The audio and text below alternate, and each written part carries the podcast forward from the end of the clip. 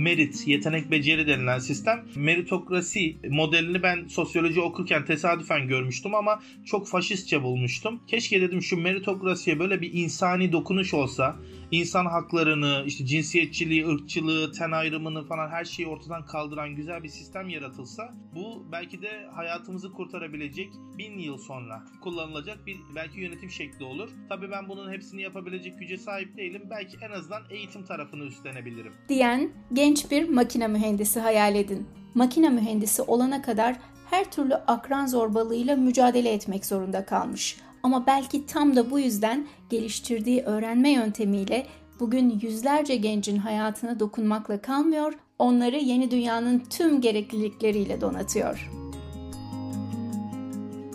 Hatta siz bu öğrenme ve öğretme aşığı makine mühendisini hayal etmekle kalmayın, buyurun kendisiyle tanışın. Selçuk Keser. İlkokulda bir kere 6 yaşında 2. sınıftan başlama problemi oldu benim. 3 yaşında okuma yazma öğrendiğim için beni önce bir devlet okuluna yazdırdılar. Sonra burada bu çocuk ziyan olur diyerekten Bilfen'e yazdırıldım. Fakat birinci sınıftayken ikinci sınıfa aktarılma olayı yaşadım. O da işte okul fişlerini okuyordum duvardaki. Hocam bir gün geldi yanıma. Dedik sen ne konuşuyorsun? Dedim hocam fişleri okuyorum. Sen dedi okuyabiliyor musun? Evet hocam okuyorum dedim. O zaman yürü müdüre gidiyoruz diye bir olay yaşandı. Orada ufak bir test yaptılar. Sonra ikiye atlattılar. E, bunun yüzünden ben akran zorbalığına çok denk geldim. Adana gibi bir yerde büyüdüğüm için. Benden büyüklerle yaşadığım için yaşlarım hep böyle bir alt sınıflarımda oluyordu. Hatta lisede mesela hoşlandığım kız ortaokula denk geldiği için hani sübyancı damgası yememek için hiç kimseye yanaşmıyordum. Ya da sınıfımdaki insanlara açılamıyordum. Onlar benim hakkımda öyle bir şeyler söylemesin diye. Derslerden maalesef ki e, kötü okullara denk geldiğim için e, sonrasında hayatımı kurtarayım dertlerine düştüm. Hani dersin sonunda nasıl omzuma yumruk yemeden kaçabilirim? Şu çocuktan nasıl uzak durabilirimlerle falan geçtiği için derslerime çok fazla odaklanamadım. Zaten öğretmenlerimizle de aramız çok iyi değildi. Bazı öğretmenlerimizin öğrencilere tacizleri falan da oluyordu. Ee, o yüzden o kötü bir öğrenim süreci geçirdim. Ama üniversite bunları telafi eden bir şeye dönüştü. Çünkü orada farklı illerden, ilçelerden insanlar geldi. Ben makine mühendisliğinde okurken makine mühendisliğindeki arkadaşlarla en az görüşüyordum. Genelde diğer bölümdeki insanlarla çok fazla görüşüyordum. Her birinden öğrendiğim ufak ufak bilgiler bana çok şey kattı. Makine mühendisliğinden aslında geçebilmek, onu bitirebilmek de birazcık e, bu öğrenenlerin temelinde yatan öğreterek öğrenme sistemi sayesinde oldu. Ben bir konuda iyiydim. E, imalat konusunda çok iyiydim. Arkadaşlara dedim sizi B notuyla geçiririm ben. E, siz de beni bu derslerden geçireceksiniz dedim. 12 kişiyi topladım. Biri beni malzemeden geçirdi, biri tasarımdan geçirdi, öbürü e, ıs akışkandan geçirdi falan şeklinde. Orada anladım ki bir şey öğreterek 12 şey öğrenebiliyorsun. Yani Bu galiba öğrenenler.com'un pilot çalışması olmuş. Gibi bir şey oldu aslında. Yani e, orada ilk deneme oldu. Aslında hayatım boyunca böyle gördüğüm ufak ufak şeyleri birleştirip burada denedim yani. E, onları gördüm, güzel oldu. Şey de aslında Küçükken ilkokulda durumumuz iyi değildi. Mahallede taşra bir mekanda biz e, yetiştik. Üçüncü sınıflar birinci sınıflara kitapları veriyordu. Dörtler ikilere, beşler üçe şeklinde gidiyor. Çünkü bir kere kitabı kimden aldıysan hep o sana ayırıyor. Ödevlerde de takılırsan o sana yardımcı oluyor gibi bir durum oluyordu. Neyse o ilkokuldaki durumdan sonra onu da öğrenenlere dahil ettim. Selçuk 2016 yılında öğretme karşılığında öğrenme olanağı sağlayan öğrenenler.com'u kurmuş. Bugüne kadar bu platformdan 2500'ü aşkın kişi yararlanmış. Salgının başından beri de ücretsiz online eğitimler devam ediyor.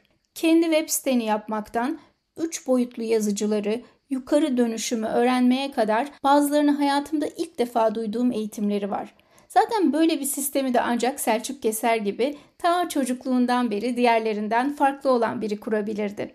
Aslında Selçuk da ilk başta kalabalığın gittiği yönde yürümeyi denememiş değil akademisyenlik, eğitim atölyelerinde koordinatörlük gibi kendi yeteneklerini tümüyle ortaya koymasına olanak sağlamayan işleri denedikten sonra farklı bir yolda yürümeyi tercih etmiş. Wikipedia'da meslekler yazdım ve bütün hepsini tek tek elemeye başladım. Dansözlük, rektörlük gibi hiç yapmayacağımdan emin olduğum meslekleri sildikten sonra son 10 tanesi bana şunu anlattı. Selçuk dedi sen öğrenme olan içinde, öğretme olan ve üretme olan bir şey yapmalısın. Ben orada kendime bir meslek yaratmaya çalıştım aslında. Şimdi de insanlara meslek yaratmayı öğretiyoruz. Bunun başlangıç noktası buydu. Orada anladım ki ben birilerine öğrenmeyi öğreteceğim öğretmeyi öğreteceğim ve üretmeyi öğreteceğim. Üretmenin nasıl öğretileceğini en iyi ben bilebilirim dediydim. Makine mühendisliğini okudum neticede. İmalat benim yüksek lisansım. Her şeyin nasıl imal edilebilirliği konusunda böyle deli gibi araştırmalar yapıyorum. O zaman bu bende. Öğrenme konusunda çok iyiyim çünkü hayatımı öğrenmeye adadım. E, öğretme konusunda da çok sancılarım oldu. O yüzden de insanların 4 yılda öğrenebildiği şeyleri ben 5 dakikada 10 dakikada anlatabiliyorum.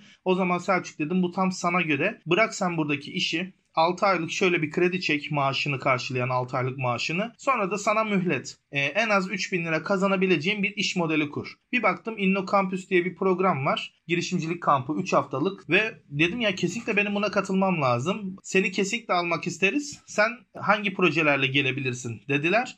Bir sürü proje saydım. En çok öğrenmen projesini sevdiler.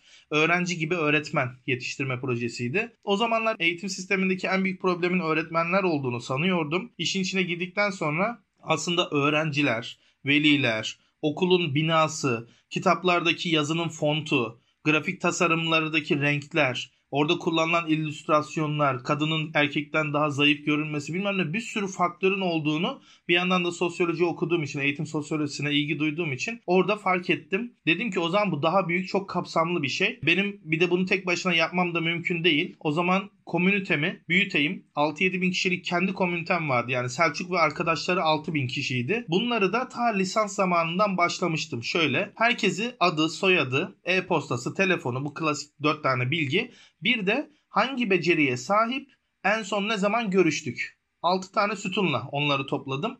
En son ne zaman görüştük sütununda işte 2 yıldır görüşmüyorsam gel seninle haftaya bir çay içelim diyerek o kişiyi sıcak tutuyordum. Böylelikle benim komünitem hep görüştüğüm 5000 kişiden oluşuyordu. Arkadaşlarımın çoğu ya CEO ya dernek başkanı ya işte yurt dışındalar, e, çok güzel projelerin başındalar falan filan diye güzel bir komünite oluşturmuş oldum. Komünite oluşturma kavramım da benim buradan gelmiş aslında e, biraz. E, öğrenenlerde bunların denemelerini yapmaya başladık. O zamanlar çok güzel bir proje vardı. Bana öğrenenleri kurduktan sonra söylediler. Zumbara diye bir girişime senin işin çok benziyor dediler. Hemen baktım zaman kumbarası diye geçiyor. Birileri bir saat boya e, yapıyorum karşılığında da işte biri bana matematik anlatsın gibi oraya bir içerik giriyor.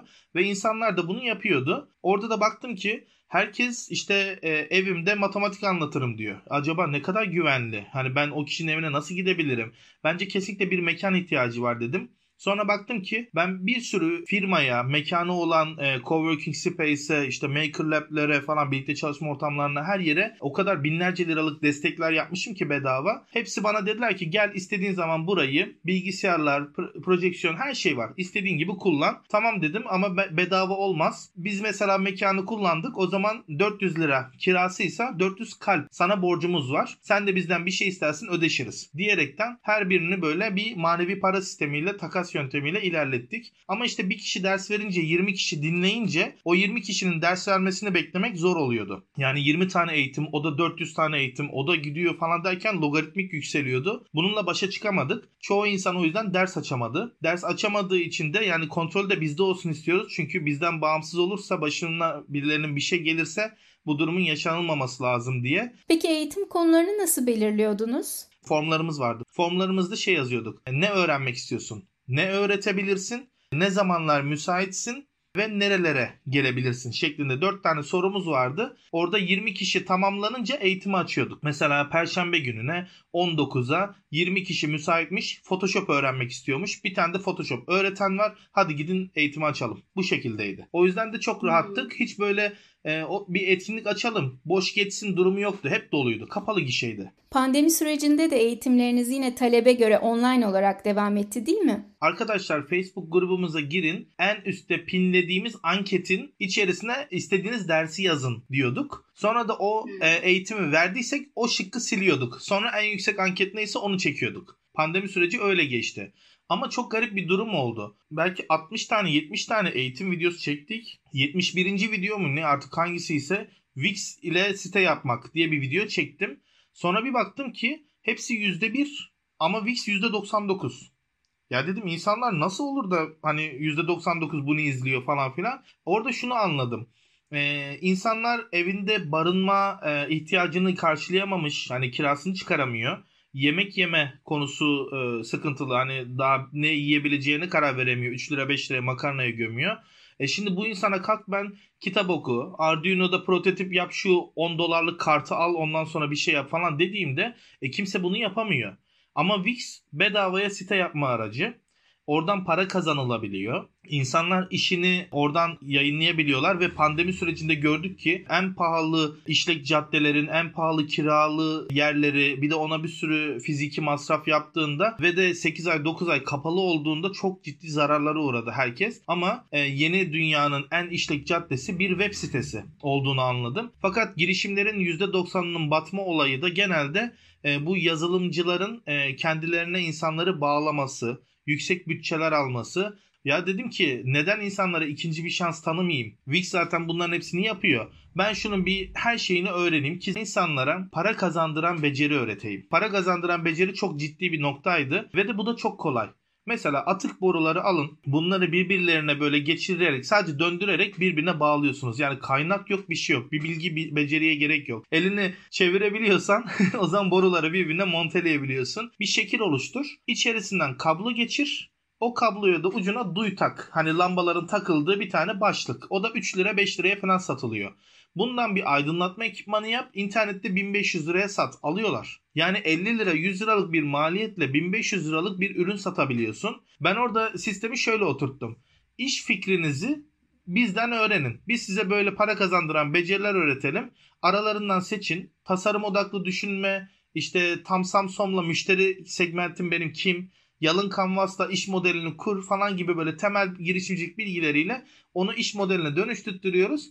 Sonra da site kurduruyoruz ve e-ticaret sitesi hadi satışını yap. Bayağı meslek okulu yani. Aynen öyle ama e, bu güzel bir okul çünkü 12 saatte bir insanı hayata hazırlayabiliyorum. Yani 12 saat evet. bir insanın 4 yıl okuyup da mesela şu an biliyorsunuz sizin de bir önceki podcastinizi dinlemiştim. Mavi yaka insan bulmakta zorluk çekiyoruz. Beyaz yakalar çok sayıda arttı falan diye bir şey vardı. Gerçekten de şu an benim karınca gibi çalışan Emre diye isimli bir arkadaşımız var. Enerji mühendisliği mezunu. Çocuğa gece proje veriyorum sabah yapıyor. Sadece İngilizce bilgisi yok diye çocuk hala hiçbir işe girebilmiş değil. Ama o çocuk İngilizceyi nasıl diyeyim Google Chrome'a girdiğinde sağ tuş Türkçe'ye çevir diyerek her şeyi Türkçe görebiliyor zaten. İstediğini çevirebiliyor, ihtiyacını görebiliyor zaten ama insanlar işverenler genellikle iş vermeyi bilmiyorlar. O bunun bir eğitimi yok. En büyük sıkıntımız bu. Bir de ben makine mühendisiyim. Bana hiç e, girişimcilik öğretilmedi. Patron altı mühendislik öğretildi.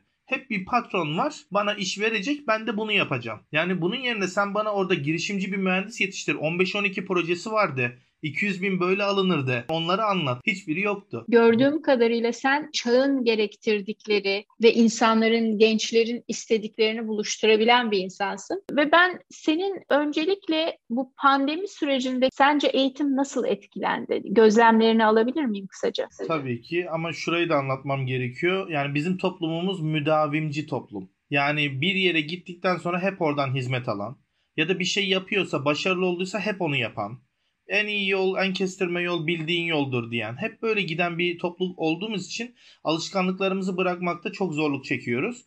Ee, şimdiki mesleklerin geçmişlerine bakarsanız hepsi 1900'lerin, 1800'lerin ihtiyaçlarına yönelik tasarlanmış meslekler. Yani daha ülkeler arasında sınırlar bile 100-200 yıldır var. Şu anlamda söylüyorum. Pasaport e, vize olayı yoktu mesela. Ama e, asıl ihtiyaçlar e, gittikçe şekilleniyor İnsanlar aslında becerilere indirgeniyor ama biz hala mesleklerde kaldık. E, bu pandemi de o yüzden meslekleri yok etme kıyım makinası gibi geçti üzerimizden. Nedir bu? İnsanlar anladılar ki şirketler ben birine bir maaş veriyorum atıyorum 5000 lira ama bu 5000 liraya 1500 liralık iş yaptırıyorum. Geri kalan 3500 liralık işi de sevmediği ama bizim yapmamız gereken teferruat işleri vererek o kişiyi hem mesleğinden soğutuyorum hem e, boşta kalmasın. E, şey vardır ya işte gerekirse ot yoldur yine de boş bırakma mantığı. E, genelde patronların uyguladığı sistem budur. O yüzden de pandemi sürecinde insanlar beceriyi birazcık gördüler. İşten elemanları çıkarınca o 5000 lirayı 5 tane 1000 liraya bölerek farklı farklı işlerini çözebilmeyi gördüler. Biraz daha freelance olanlar, daha dijitale yakın olanlar, Pandemi sürecinde aslında insanlar biraz bunu gördü. Bazı meslekler yok oldu. bazı meslekler yaratıldı demeyeyim. İnsanlar kendi mesleklerini icat edebilmeyi öğrendi. O yüzden de eğitim denilen kavram biraz daha sen kendinin hocasısın, yalnızsın, artık başka kimse yoka dönüştü. Pandemi sürecinde herkes bütün eğitimlerini açtı. Bedava bir eğitim yığını oldu. Millet ilk başta birbirlerine deli gibi paylaştı. Aynı Photoshop eğitiminin 500 tane çeşidi benim önüme geldi. Aslında orada biz insanlara bedava imkanları sadece yönlendirsek yetecekken kalkıp bir de biz içerik hazırlamaya çalışıyoruz. Halbuki e, şu an Google Teknik Üniversitesi, YouTube Teknik Üniversitesi gibi olsak yani oraların nasıl kullanılacağını anlatsak bu bizim zaten e, her şeyimize yetecek. Peki Selçuk okullardaki eğitimi nasıl buluyorsun? Şimdi belki de insanların bazı şeyleri öğrenmesi için kendi dönemlerinin hazırlığının olması gerekir. Bir şeye ihtiyaç duymadan öğretince insan onu unutuyor ve yeniden öğrenmesi gerekebiliyor. Ama bizim eğitim sistemimizde mesela unutma 101 diye bir eğitim yok. Kimse bunun üzerine durmuyor. Bunu sadece böyle biz bir şeyler öğrenelim de gereksizler unutulur gibi bakıyoruz. Halbuki kullanılmayan unutulur. Gereksizler değil. Yani insanlara bir şeyler deneyimletmeniz onların e, bununla alakalı mı değil mi en azından genel sınıflandırma yapıp bir konuyla alakalı mı alakalısız mı diyebilecek kadar genel bilgiye ihtiyacı var. Genel ve küçük bilgilere. O biz genel ve küçük bilgileri vermek ve insanlara okulu sevdirmek yerine okulu sevdirmek değil bu arada öğrenmeyi sevdirmek yerine çünkü ben okul her yerdir diye bakıyorum Mahmut Hoca gibi. Yani sadece dört tarafı duvarla çevrili yer değildir mantığına inanıyorum. İnsanların öğrenmeye doğru odaklanması gerekirken onları ekranın başında hani eskiden bize diyorlardı televizyonun başında durma gözün bozulur. Yani bütün cep telefonlarımıza dipten bakmaktan mesela yeni nesiller sadece yakınlığı görebilecekmiş, uzağı göremeyecekmiş, gen aktarımında sorun yaşanacakmış falan gibi bir sürü söylenti de var. Hani belki de biz bu insanlara ne zulümler yapıyoruz. Haberimiz bile yok. Tabii bu zulüm pandemi döneminde dikkati dağınık, ailesi ilgisiz olan çocuklar için, internete ya da bilgisayara erişimi olmayan yoksul çocuklar için çok daha fazlaydı. Buna ne diyorsun? Herkes kendini kurtarmalı diyorum bu noktada. Çünkü ben mesela Norveç'ten bir bakıyorum ki çok güzel bir video paylaşılmış herhalde. Çünkü aşırı beğenilmiş. Hemen Google Translate'i açıyorum aşağı tarafa. Mikrofona basıyorum. Dili algılaya basıyorum. Sonra da o kişi konuştukça oraya yazı yazılıyor yan tarafında anında çevirisi var. Ya ben yeri geldiğinde ihtiyacım olan kaynağı böyle bile takip edebiliyorum. Yani insanlar kendilerine ya imkanım yok bence dememeli. Okulların amacının öğrenmeyi sevdirmek olduğunu düşünen Selçuk Keser uzun çalışmalar sonucu öğrencilere verilmesi gereken 5 temel dersi belirlemiş. 1. Okuma. İster istemez uzaylı da olsanız bir uzaylı alfabesini okuyabilmeniz lazım. Yani insanın bir şeyi okuyabilmesi lazım. O yüzden bir okuma 101 dersi lazım teyit 101'e ihtiyacımız var. Çünkü bilgi kirliliği had safhada. Hangi bilginin doğru olup olmadığını birine sorgulatmayı öğretemezsek bundan sonra alın o çocuğu istediğiniz yere yetiştirin. İyi birine denk gelirse iyi biri olur, kötü birine denk gelirse kötü biri olur. O yüzden bu teyit 101 çok önemlidir. Sonra insan 101 diye bir şey var bizde. Bedenine ve psikolojine sahip çıkabilmek. İnsanın e, hem zihnini hem de bedenini sağlıklı tutması gerekir ki kaportası budur. Yani bunun bu bedenin içerisinde yaşayacak ona en iyi şekilde sahip çıkarsa ömrünü de o kadar uzatabilir. Toplum 101 diye bir dersimiz var. O iki ve daha fazla canlı ile bir arada yaşayabilme diye geçiyor. İnsanla demiyorum çünkü bazı insanlar kedilerle o manevi duygularını karşılayabiliyorlar. O yüzden e, toplum 101'de canlı ile birlikte yaşayabilme. Bir de özgürlük 101 var. Eskiden bunun adını vatandaşlık 101 diyorduk. Şimdi özgürlük 101 dedik. Her yerde yazılı kanunlar var. Her ülkenin bir yazılı kanunu vardır. O yüzden kendine hapse attırmadan hayatta kalabilme diyoruz ona da. Sence Türkiye'de eğitim nereye gidiyor? Bir yere gider mi? Bu sınırların içinde bir özgürlük yaratılabilir mi? Şöyle bir durum var. Ee, ben umudumu hiçbir zaman kaybetmem. Ama en büyük sıkıntılarımızdan bir tanesi insanların kendilerini yargılamaya kapanması. Yani kendi kendinin hakemi olamaması bir. En ufak bir eleştiride e, kendine asla toz kondurmamaya çalışması. Bu birinci özellik. İkincisi akrabalarının, arkadaşlarının yanlışlarını düzeltmeye çalışmamak. Yani adalet duygusu. Ben bütün her şeyin ortasında adaletin olduğuna inanıyorum. Biz adaleti hiçbir yerde sağlayamazsak mesela benim ablam yanlış yapıyorsa ben ablama müdahale etmeliyim. Onu en başta ben hani yanlış yapıyorsun demeliyim. Onu demediğim müddetçe ilk yanlışımı orada örtmeye başlıyorum. bu nepotizme kadar götürüyor. Bizim en büyük sıkıntımız herkesin kendi ailesindeki ve kendisindeki yanlışları görmezden gelerek o suç işleme piramidinde hani şiddet piramidi vardır ya orada yükselmesi. Maalesef hepimiz kendi şiddet piramidimizde üst basamaklardayız. Bu da her şeye yansıyor. Yani eğitime de yansıyor. Yani bir cinsiyetçilik yaparak ben senden öğrenemem diyen kişi de oluyor. Ya da işte e, başka sebepler arıyor kendisine. Bu sebepten öğrenemedim diyerek mesela başkalarını suçlayabiliyor. Hani bence insanların kendisini hakemi olabilmesi lazım. Bunu da bir gitar dersinde gördüm yani sadece. Adam orada şey diyordu. Ben size dijital olarak Öner Yavuz'du bu arada gitar hocası. YouTube'da böyle videoları falan var. Ben size bir şeyler öğretiyorum ama yanlış yapıp yapmadığınızı sadece siz belirleyebilirsiniz. Çünkü ben buradan size müdahale edemem. Siz kendinizle baş başasınız. Ne kadar kendinize dürüst olursanız o kadar iyi ilerlersiniz diyordu. Bu benim hayatımı değiştirmişti mesela. Oradaki bir tane cümle.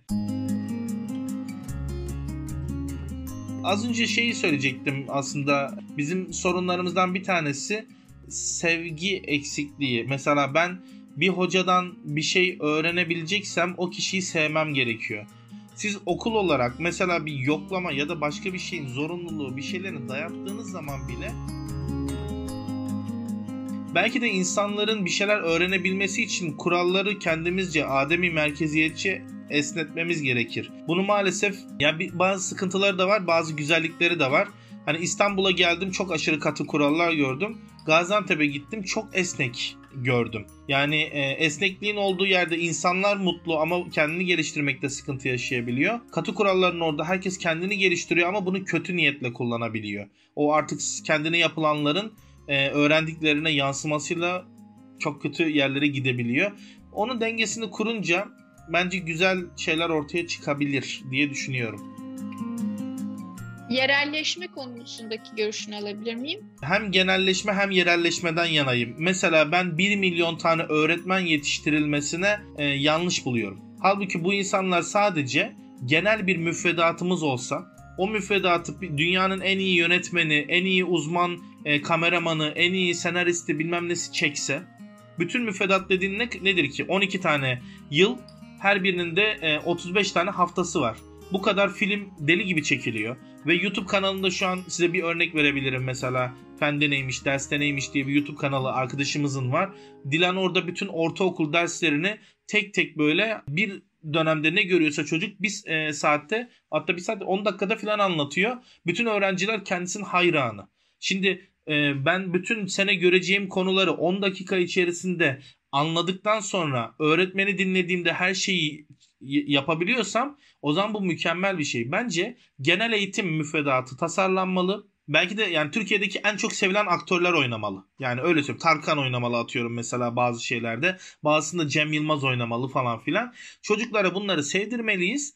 Yerelleştirmede de şunu yapmalıyız. Çocuklar bakın burada bunu diyor ama Hani bizdeki fındığa denk geliyor. Finduk. Hani ya da işte bir şey. Belki bir şive olur. Bir ağız olur ya da. işte farklı bir şey olabilir. Hani onları da hoca orada düzenlesin. Sadece mesela testlerini yaptırsın orada gibi. Peki eğitimde teknolojinin rolünü nasıl görüyorsun? Bir şey hayatımızı daha da kolaylaştırmalı. Yani sen bir aracı eğitimi daha iyi yapabilmek adına kullanacaksan o benim bir şeyi öğrenmemi kolaylaştırmalı, zorlaştırmamalı. Ama biz tutturuyoruz ki içine sistem de koyalım, maker da koyalım, şunu da koyalım falan diyoruz. Ee, orada insanları boğuyoruz. Mesela sistem diye bir şey var. Sertifikasını satabilmek için insanlar o kadar çok e, kullandılar ve içini boşalttılar ki halbuki sistem dediğin şey e, bir araçtır. E, bilim, teknoloji, mühendislik, matematik bunun çeşitleri var. 30-40 tane. Stream var mesela. Robotik de giriyor. Biz sitemaiye yapıyoruz mesela. Sanat da var. E, icat da var. Girişimcilik de var bizimkinde. Hani onun illa adını koymanız gerekmiyor. Sadece bir şeyleri öğretirken kullandığınız araçların dile getirilmesi. Ama işte tutturdular sistem ama işte bunu şöyle yayacağız böyle yayacağız. Her okulda bir şey olacak. Sistem öğretmeni. Amaç haline geliyor yani. Evet biz öğrenenlerde sertifika karşıtıyız dedik. 6 yıl boyunca kimseye sertifika vermedik. E çünkü kişi 30 yıl sonra diyecek ki ben robotik eğitimi aldım. Halbuki 30 yıl sonra konuşarak kodlayabileceğiz. Hani ben eve geldiğimde klimayı aç dediğinde ne demektir? Benim işte telefonum evin kapısına yaklaştığında ya da benim göz retinam göründüğünde, parmak izimi okuduğunda, sıcaklığımı algıladığında, konuştuğumda. Ya da düşünceni okuduğunda. Değil mi yani? Hepsini yapabilirsin. O yüzdendir ki robotik eğitimi verdik artık bu kişi robotik uzmanıdır diyerekten sertifika verilmesini hem yakışıksız buluyorum bir de bir sürü öğretmenin paraları alındı. Yani her birinden 2500 lira para alan kurumlar oldu ve milyonları kazandılar. Hazır robot kitleriyle robotik yaptığını öğrettiğini sanan sadece kumandayla çocuklara şuradan şuraya git buradan buraya git yaptıran kişiler bizi eğitim tarafında biraz soğuttular. Yani bir insan Python'da kod yazabiliyorsa e, kalkıp da bunun bilgisayar mühendisi olmasına gerek yok. O yüzden Microsoft gidip de Python bileni alıyor. Onun okulunu okuyanı değil. Peki son olarak kalplerle, ücretsiz eğitimlerle başladığınız bu süreçte şimdi eğitimleriniz paralı mı oldu? O konuya da bir açıklık getirebilir miyiz lütfen? Parayla yapıyoruz ama e, insanların tabii ki e, yaşadıkları sıkıntıları gördüğümüz için para kazandıran becerileri YouTube'da bedava olarak yükledik. Sadece o da kalmadı aslında. Girişimcilik eğitimlerimizi de oraya yükledik. Wix ile site yapmayı da oraya ekledik. Yani aslında sadece YouTube kanalını takip ederek bir insan bizim bu süreçlerimizden geçebilir. Ama bu kadar zamanım yok. 12 saatte bana bunu konsantre bir şekilde ver diyenler para veriyor. Harika. Teşekkürler Selçuk Keser. Hem bu söyleşi için hem de söyleşimiz sırasında bile bana çok daha profesyonel bir web sitesi kurmanın yolunu ve Google Docs'un bilmediğim özelliklerini ısrarla öğretmeye çalıştığın için gerçekten öğretmezsen rahat edemeyecekmişsin. Bugünlük de bu kadar. Bu konuştuklarımızı sindirdikten sonra Aygen Aytaç podcastlerinde eğitim ve iş hayatlarımızı, sosyal yaşamlarımızı ve hayatın değer verdiğimiz tüm yönlerini konuşmaya yeni fikirlerle zenginleşmeye devam edeceğiz. Daha önceki ve sonraki podcastlerimi Spotify, Google ve Apple dahil dilediğiniz tüm podcast platformlarından dinleyebilirsiniz. Aygen Aytaç diye aradığınızda karşınıza çıkacak. Abone olmayı unutmayın. Yeni bölümleri kaçırmayın. Ve şimdilik hoşçakalın.